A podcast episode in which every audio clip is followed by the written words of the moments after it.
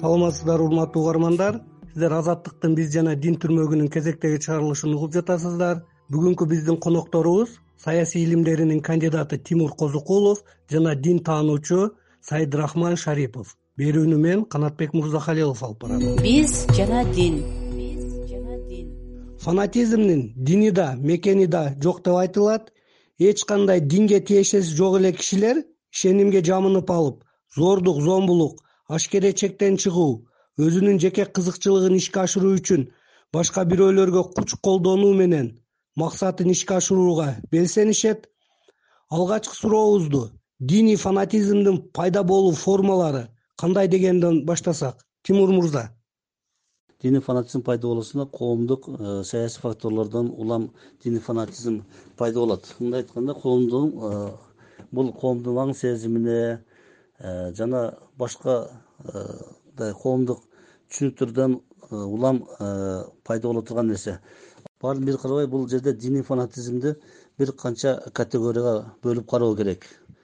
Мен мисалы бул жерде диний фанатизм бир кандайдыр дин диний шейх же болбосо диний баягындай оратор болуп ушу сүйлөп жүрүп мындай айтканда өзүнө тарткан тарапкерлерден мисалы айтканда бир личность аркылуу пайда болгон диний фанатизм болот. Ал деген кандай? Мисалы э, анын гана айтканы туура ошону гана көз караш туура андан башканыкы туура эмес деп мындай айтканда бир гана ошонун аркылуу гана баягындай диний көз карашты калыптандырып ошону гана кармагандар бул мындай айтканда жумшак диний фанатизм деп айтууга болот буну. Ал эми экинчиси диний фанатизмде диндеги курандагы гана нерсе ушул ушул гана туура башкасы туура эмес э, деген мындай айтканда башка баягындай э, илимий көз караштарды ошол э, диндеги көз караш менен илимий көз караш менен мисалы курандагы аяттардын көз карашынын мындай айтканда жормолдогон илимий көз караштарды кабыл албай жок ошол ушундай гана болот деп туруп башка эч кандай жормол керек эмес деген деп ошону кармагандар болот. Мындай айтканда коомдук фактор ал эми үчүнчүсү болсо дин гана дин гана бул дүйнөдө дин гана э, туура калган баардыгы жалган деген. Мына э, жалган деп жалган деген кармангандар да бар. Ошон үчүн бул жерде мен мисалы ушул үч түрдүү мындай диний фанатизм категориясын айта алат элем. Диний фанатизм э, башка көз караштарды четке кагып башка көз караштарды эч бирин кабыл албайт. Только бир гана ошол гана туура ушул гана мындан башка чындык жок деп карманат ашкере динчилдик деген эмне? Аны диний фанатизмди пайда кылган негизги себеп же натыйжа деп эсептеп койсок болобу? Ашкере динчилдикти мен эки багытка алып барышы мүмкүн деп э, эсептейм. Э, бири э, адам өз чөйрөсүндө өз жеке жашоосунда динди ашкере кармап бирок ошол эле учурда коомго терс таасирин бербей жашап калышы мүмкүн да мисалы суфий тарикатындагыларды мисалга алсак болот. Алардын түбү эчейин кылымдарга барып такалса дагы э, ошол кезге чейин э, эч бир э, баягы мамлекеттик болобу саясаттык болобу социалдык болобу ушундай бир багыттар менен коомго баягы басым жасап кандайдыр бир коркунуч туудурган эмес да. Алар өз чөйрөсүндө өзүнүн багытында ашкере карманып бирок ошол эле учурда эч бир баягы саясий максаттарга азгырылбай карманып келишкен. Ал эми экинчи багытындагыларды көп күчтөр пайдаланып азгырып кетиши мүмкүн. Аларды баягы социалдык анан саясий максаттарга пайдаланып азгырып кетиштери мүмкүн. Мына ушул коркунучу бар алар ашкере динчилдик менен коомчулукка коркунуч жараткан топторго агымдарга кошулуп ээрчип кетүүсү мүмкүн. Мисалы сирияга алданып кеткендер дагы аларга дагы ошол жактан көп материалдык жактан көп нерсе убада беришкендиктен кайсыл бир э, тобу кайсыл бир бөлүгү ошол акчага азгырылып кетиши да мүмкүн. Динди өтө ашкере карманганда согуш ар бир мусулман баласына фарз жөн эле мындай жак бул жактан отуруп карап отурганга болбойт деп азгырып азгырылып ошол боюнча дагы баягы фанаттык түрдө кетип калышы мүмкүн да. Идеяны күч менен жеңүүгө мүмкүн эмес экендиги түшүнүктүү диний карама каршылыкка башкаларга диндин өкүмдөрүн таңуулоого күчкө салуу менен деструктивдүү чакырык жасоого бир гана туура идеологиялык ишеним каршы тура алат. Маегибизди ушул өңүттөн уласак диний фанатизм менен кандайча күрөшүп анын негизинде пайда болгон тобокелчиликтерди кандай төмөндөтсө болот?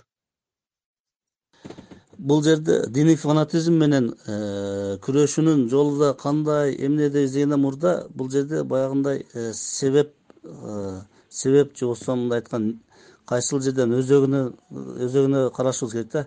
Диний фанатизм диний фанатизмди күрөшүүнү ал менен күрөшүп убакыт кетиргенден мурда диний фанатизмди болтурбай турган башка коомдук факторлорду мындай күчтөндүрүү деген күчтөндүрүү керек деп ойлойм да.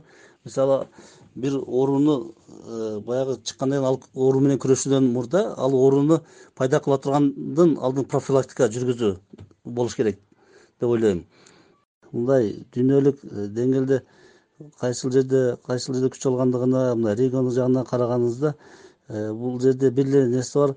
Коомдун аң сезими жогору билим билим жактан жогору болгон коомдордо диний фанатизмдин Э, пайда болуусу жайылуусу өтө төмөн. Мындай айтканда төмөн болот. Ал вероятность деген баягындай баягы диний фанатизм болуп кетиши мүмкүн деген нерселер болбойт коомдун аң төмөн же болбосо билими жактан төмөн болгон аймактарда диний фанатизм күчөйт күчөп кетет.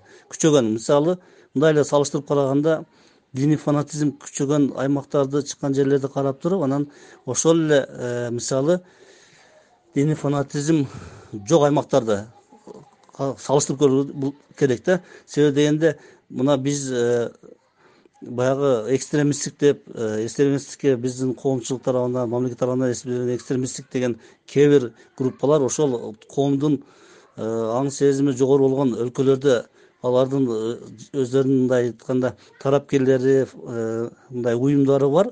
Бирок ал жерде эч кандай коркунуч эмес да. Билими жогору аң сезими жогору болгон коомдордо э, фанатизмдин жайылуусу э, өтө мындай өтө аз болот жок болот. э, бул жерде демек бир эле маселе ошол коомдун аң сезими билими билим берүүсү өтө мындай күчтүү болуш керек деген ойдомун биз жана дин. Кыргызстанда дин маселелери актуалдашып диндар адамдардын саны көбөйүп бара жаткан мезгилде дүйнө бийлик принциптерди сактоо дагы коомду бат бат көтөрүлүп бул темада талаш тартыштардын күчөйүшү мыйзам ченемдүү эле көрүнүш ушул жагдай диний фанатизм кыргыз коомунда качан кандай шартта пайда болду деген суроону дагы күн тартибине чыгарды. Бул көйгөй боюнча сайдырахман мырза сиздин пикириңизди уксак. Кыргыз коомчулугунда илгертеден эле фанатизмдин сүрөтү болуп келген. Динди кармангандар илгертеден эле колдон келишинче катуу карманып жашап келишкен да. Бирок диний фанатизм ааламдашуу заманына чейин бир чөйрөдө жана бир калыпта сырткы чөйрө менен байланыш болбой өнүкпөй келген да. Бул термин өзү азыркы коомдо бир аз башкача коркунучтуураак угулганы менен кыргыз журтчулугунда муну кадимки эле дин жаатын бекем кармануу деп түшүнүп келген. Э, тилекке каршы бүгүнкү күнү э, диний фанатизм башка форматка өткөнү э, башкача айтканда радикалдашуу форматына өткөнү бүгүн бир эле кыргызстанда эмес дүйнө мамлекеттеринин кайсыл бир деңгээлде тынчын алып жаткан учуру. Себеби фанатизм фундаменталдык түшүнүккө алып барып азыркы коом менен бир топ кайчылаш маселелерди жаратышы ыктымал. Адатта бир нерсеге ашкере берилүүнүн мөөнөтү кыска болот. Анткени чектөөлөр инсандын ишенимине гана эмес ден соолугуна дагы зыян тийгизиши мүмкүн бул көрүнүштү диний аспектиден алып караганда айрым адамдардын диндин башкы максаттарынан четтеп ызаакорлукка жана зомбулукка чейин жеткен учурлары байкалат. Тимур мырза айтсаңыз диний фанатизм кандай таасир берүүчү күчкө ээ анын натыйжасы эмнеге алып келүүсү мүмкүн? Диний фанатизм э, коомдук э, жашоодогу коомдук э, саясий жашоодо мындай айтканда бөлүктөргө алып алып келүү ыктымалы э, болот. Себеби дегенде э, баягындай коомдук саясий аң сезим жашоодо жашоого кандайдыр өзүнүн диктовкасын жасап ошол ушундай болуш керек деген улам биз муну диний фанатизм ушул жерде коомдук кандайдыр аң сезимди көз караштарга каршы келип ошол бул жака бүлүк алып келип мындай айтканда коомдук бүлүктү салышы мүмкүн биз жана дин. Биз жана дин акыркы жылдары өлкөдө түрдүү диний уюмдардын ибадат жайларынын көбөйүшү өз динине үгүттөгөн миссионерлердин ишмердүүлүгү диний ырым жырымдарды сактоо өкүнүчтүүсү радикалдуу багытты кармаган топтордун жашырын иш жүргүзүүсү коомдо диний дискурстун өзгөргөнүнөн кабар берет эгерде бул факторлорду диний фанатизмдин алкагынан алып карасак анда алар кыргыз коомчулугу үчүн канчалык деңгээлде коркунучтуу кыргыз өзүнүн иммунитетине тиешелүү динди карманган болсо анда эч кандай кыргызга эч кандай бир коркунуч деле жок. Жогоруда айтып өткөндөй эгер динди кыргыз өзүнүн дүйнө таанымына каада салтына деги эле өзүнүн чөйрөсүнө карама каршы койбой карманса өлкөдө айрыкча абу ханифа мазхабын карманып кыргыз өзүнүн илимдүүлөрүн өзүнүн аалымдарын угуп өзүнүн баягы кыргыздын өзүнүн илгертеден сакталып келген баягы форматын карманса диндеги анда аны фанатизм деп деле айтпайбыз да. Аны салттуу ислам деп айтабыз. Бирок тилекке каршы азыркы кезде салттуу ислам дегенди жээреген адамдар пайда болду да. Салттуу ислам бул фанатизм да эмес же бир кандайдыр коомго коркунуч туудурган дагы нерсе эмес. Бул кадимкидей эле абу ханифа мазхабы качан диний фанатизм коркунучтуу болот? Качан сырттан түшүнүксүз агымдар өлкө ичине сүңгүп киргенде жана сырттагы түрдүү агымдар өзүлөрүнүн идеологияларын жайылтып жатканда биздин жаштар оңой аларды ээрчип кетүү коркунучу бар да. Коркунуч мына ошол. Ким кайсыл багытты ээрчип атканын эч ким көзөмөл кыла албайт да адам ичинде эмне болуп жаткандыгын ошол кезде ошол ошон үчүн кыргыз үчүн өзүнүн салттуу исламы өтө маанилүү өтө зарыл болуп жаткан коомдо жашап атабыз да негизи себеби эч ким кепилдик бере албайт. Сырттан кандай диний агым келип өзүнүн кандайча кандай максаттагы идеологиясын таркатат аны эч ким көзөмөл кыла албайт. Баягы салттуу ислам дегенде эле чычалап салттуу ислам деген болбойт тигиндей болот мындай болот дегендер мисалы балким өзүнүн багыты баягы өзүнүн агымы же өзүнүн багытындагылар туура болушу мүмкүн.